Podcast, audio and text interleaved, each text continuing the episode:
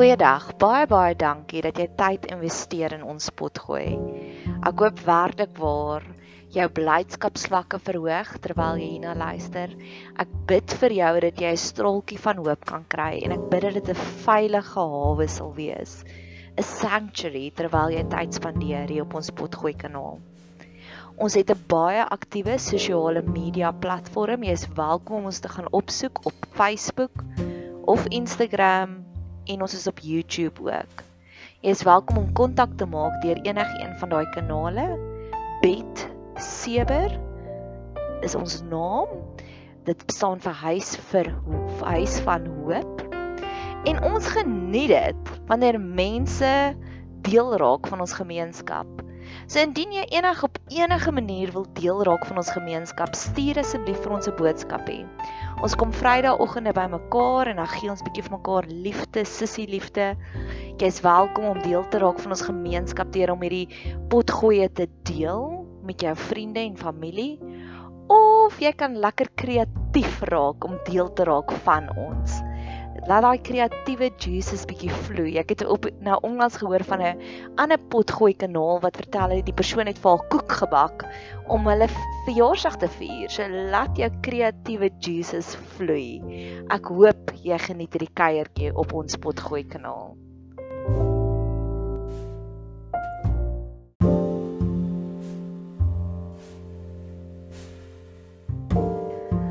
Nogtans studie.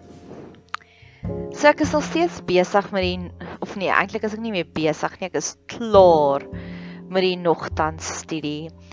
En dit is so profound. Partykeer dan dink ek die Bybel is geskryf deur 'n life coach. Ek weet God is 'n life coach. Deur 'n sielkundige want in my nogtans studie, hierdie is die laaste potgoed wat ek vir nou daaroor gaan maak. Is daar vier coping mechanisms wat ek graag met jou wil bespreek en dan in die volgende een gaan ek vier wonderwerke bespreek. Jesaja 49 vers 4, dis die eerste coping mechanism. Maar ek het gesê, te vergeefs het ek my vermoei, my krag vir my vir niks en vir vrugteloos verteer. Nogtans is my reg by die Here en my loon is by God. Jy weet daai mense wat van jou tap en tap en tap en jy gee vir hulle liefde en jy gee vir hulle liefde en niks groei nie. Dit is 'n coping mechanism want in die oomblik wat jy sê Here, ek kan nie weer vir hierdie persoon energie gee nie, kan jy gaan terugval op hierdie nogtans belofte. Nogtans is ons loon by die Here. Ek het verlede jaar intens met iemand bemoeienis gemaak Dis seker een van die snaakste stories wat ek nog gehad het. En die persoon was ingewikkeld. Sy was 'n sy is 'n vrygewige werker, 'n volunteer by 'n organisasie wat ek voel effens toksies is vir haar. Hulle tap haar, hulle tap haar, hulle tap haar.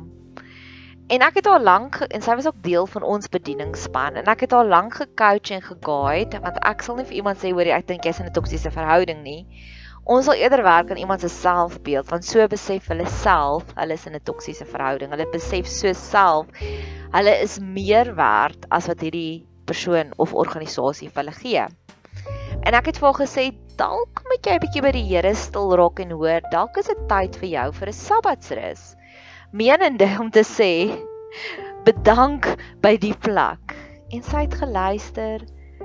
En sy het 'n maand later het sy teruggekom en sê my Nadia, jy's reg. Ek moet 'n sabbatsrus vat. En toe vat sy 'n sabbatsrus van ons organisasie sodat sy meer tyd het om te investeer by die toksiese organisasie. en ja, dit was net vir my een van daai oomblikke. En op daai stadium wat ek weet ek het baie energie geïnvesteer. en soms is daar mense soos dit. Somstyds is daar mense soos dit. Soos vanoggend het ek nou weer het ek my lysie gemaak van iemand anders in wie ek ook bietjie tyd en energie geïnvesteer het en die persoon sien dit nie eens raak nie.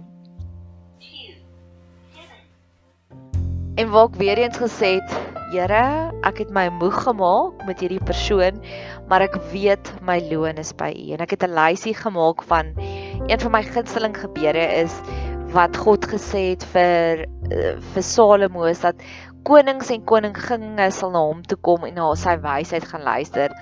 En op daardie stadium het ek vir myself 'n lysie gemaak van regtig prominente mense wat vir my raad gee en ek sê dankie Here, ek is dankbaar daarvoor. So dis die eerste een, daardie mense wat jy voel jy werk en jy werk en jy werk en jy gee vir hulle energie, maar daar kom niks daarvan nie daarmee kan ons berusting vind. En ek het intedeel verder gegaan en ek het in my journal het ek hierdie twee opsommetjies gemaak wat ek gesê het. Jesaja 49 vers 4. Daardie mense vir wie jy konstant gee maar jy ontvang niks terug nie en ek het so 'n lysietjie van hulle gemaak. En die Here het al klaar eenetjie gekom en kom omdraai wat ek het deur 'n moeilike tyd gegaan hierdie week en die persoon het vir my baie aandag gegee. Die tweede een is mense wat van jou vergeet. Jesaja 49 vers 15. Nou Jesaja is briljant. Hy's 'n baie baie baie goeie gedigte skrywer. So hy vertel hierdie storie, hierdie radikale ding om te sê selfs al gebeur hierdie radikale ding, kan jy hieraan vashou dat God sal jou nooit vergeet nie. Hy sê Kan 'n vrou haar suigling vergeet dat sy haar nie ontferm van die seun oor haar skoot nie? Met ander woorde, sal 'n mamma ooit haar babatjie vergeet? En hy sê al sou dit gebeur. Hy sê of skoon hulle sou vergeet, nogtans sal ek, hoofletter ek jou nooit vergeet nie. Ek love die craziness in hierdie situasie wat Jesaja sê, selfs al gebeur die mees onwaarskynlikste ding, kan jy daaraan vashou dat God sal jou nooit vergeet nie. En op hierdie een het ek ook nog 'n diepere coping mechanism waar ek sê van stort jou hart uit voor die Here. Ek glo dis die mees volwasseste mense wat die eerste moan oor dinge by God natuurlik. So in die lockdown, toe die lockdown verlede jaar aangekondig is, het ek geweet ek gaan vir 'n vir 'n sekere periode tyd glad nie 'n inkomste kry nie. En ek het op daardie stadium het ek nogals gehoop dat daar was twee mense wat hulle sal ontferm oor my wat dit glad nie gedoen het nie. En ek het gemoun daaroor en ek het gebid daaroor in die Here se ore. En later aan toe het hierdie twee persone op radikale maniere het hulle begin hulle self ontferm oor my. So ek was ook al daar waar ek ervaar het, Here, hulle vergeet van my. Niemand dink aan arme Nadia nie. En in plaas daarvan om hulle te konfronteer want beide van hulle het vir my gesê, "Sjoe, dit was vir hulle so erg. Hulle het nie eens gedink aan ander mense nie." En daarmee het ek ook baie lewenslesse geleer want daar's verskriklike slegte goed wat tans aangaan in die wêreld. Ek het baie navorsing gedoen oor die Weaver community in China. Dis 'n groep moslems wat die Chinese letterlik besig is om uit te moer op die mees radikaalste maniere en niemand gee vir hulle om nie. En na die Tweede Wêreldoorlog het die wêreld gesê nooit ooit ooit ooit ooit weer sal ons toelaat dat daar sulke inhumane dinge gebeur nie. Dis vir die United Nations gestig is en crimes against humanity, maar nogtans gaan daar nog steeds baie aaklige goeters aan. Of ek het ek het verlede jaar het ek 'n fliek gekyk vir Sama oor die oorlog in Sirië en dit het my hart so aangeraak wat ek gesê het, Here, hoe kan niemand hulle wil help nie?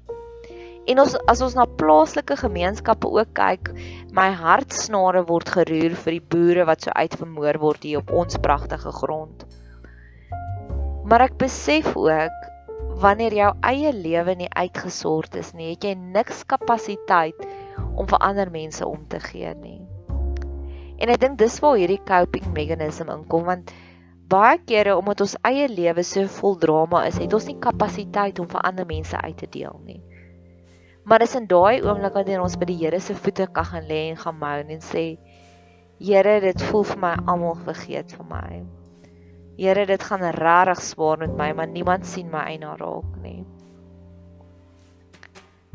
En die skoonheid wat op daai oomblikke gebeur is, wanneer jy eers deur so 'n oomblik is waar jy voel niemand sien jou raak nie, is ek en jy baie meer sensitief vir ander mense se behoeftes.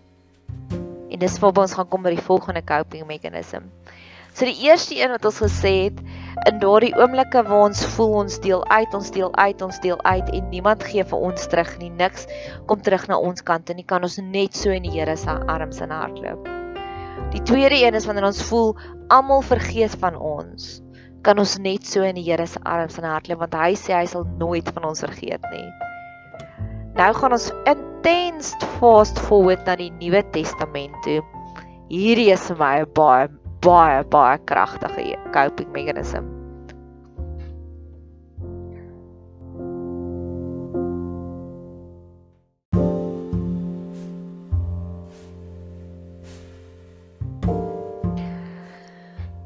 Korintiërs 4 vers 16.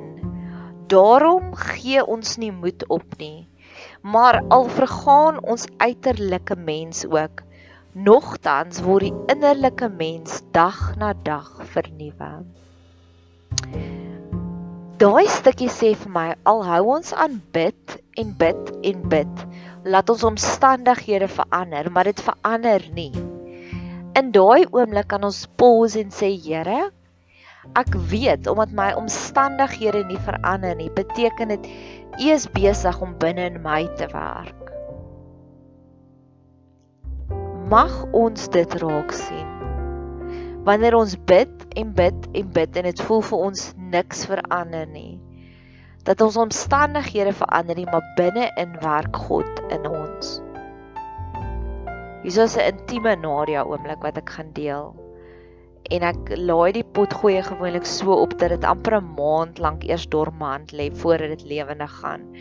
En dis een van my coping mechanisms wat dit vir my makliker maak om nog meer kwesbaar te deel. Ek is oneindiglik lief vir iemand in my lewe. Ek noem hom my kathedraal vriend. Maar een van sy tekortkominge is hy sukkel baie intens om te commit. So hy kry baie gereeld koue voete en ek het al ultimatums na hom ek het hom eers vir jare lank bebid en eventually het dit my gedryf en ek het 'n ultimatum vir hom gestel.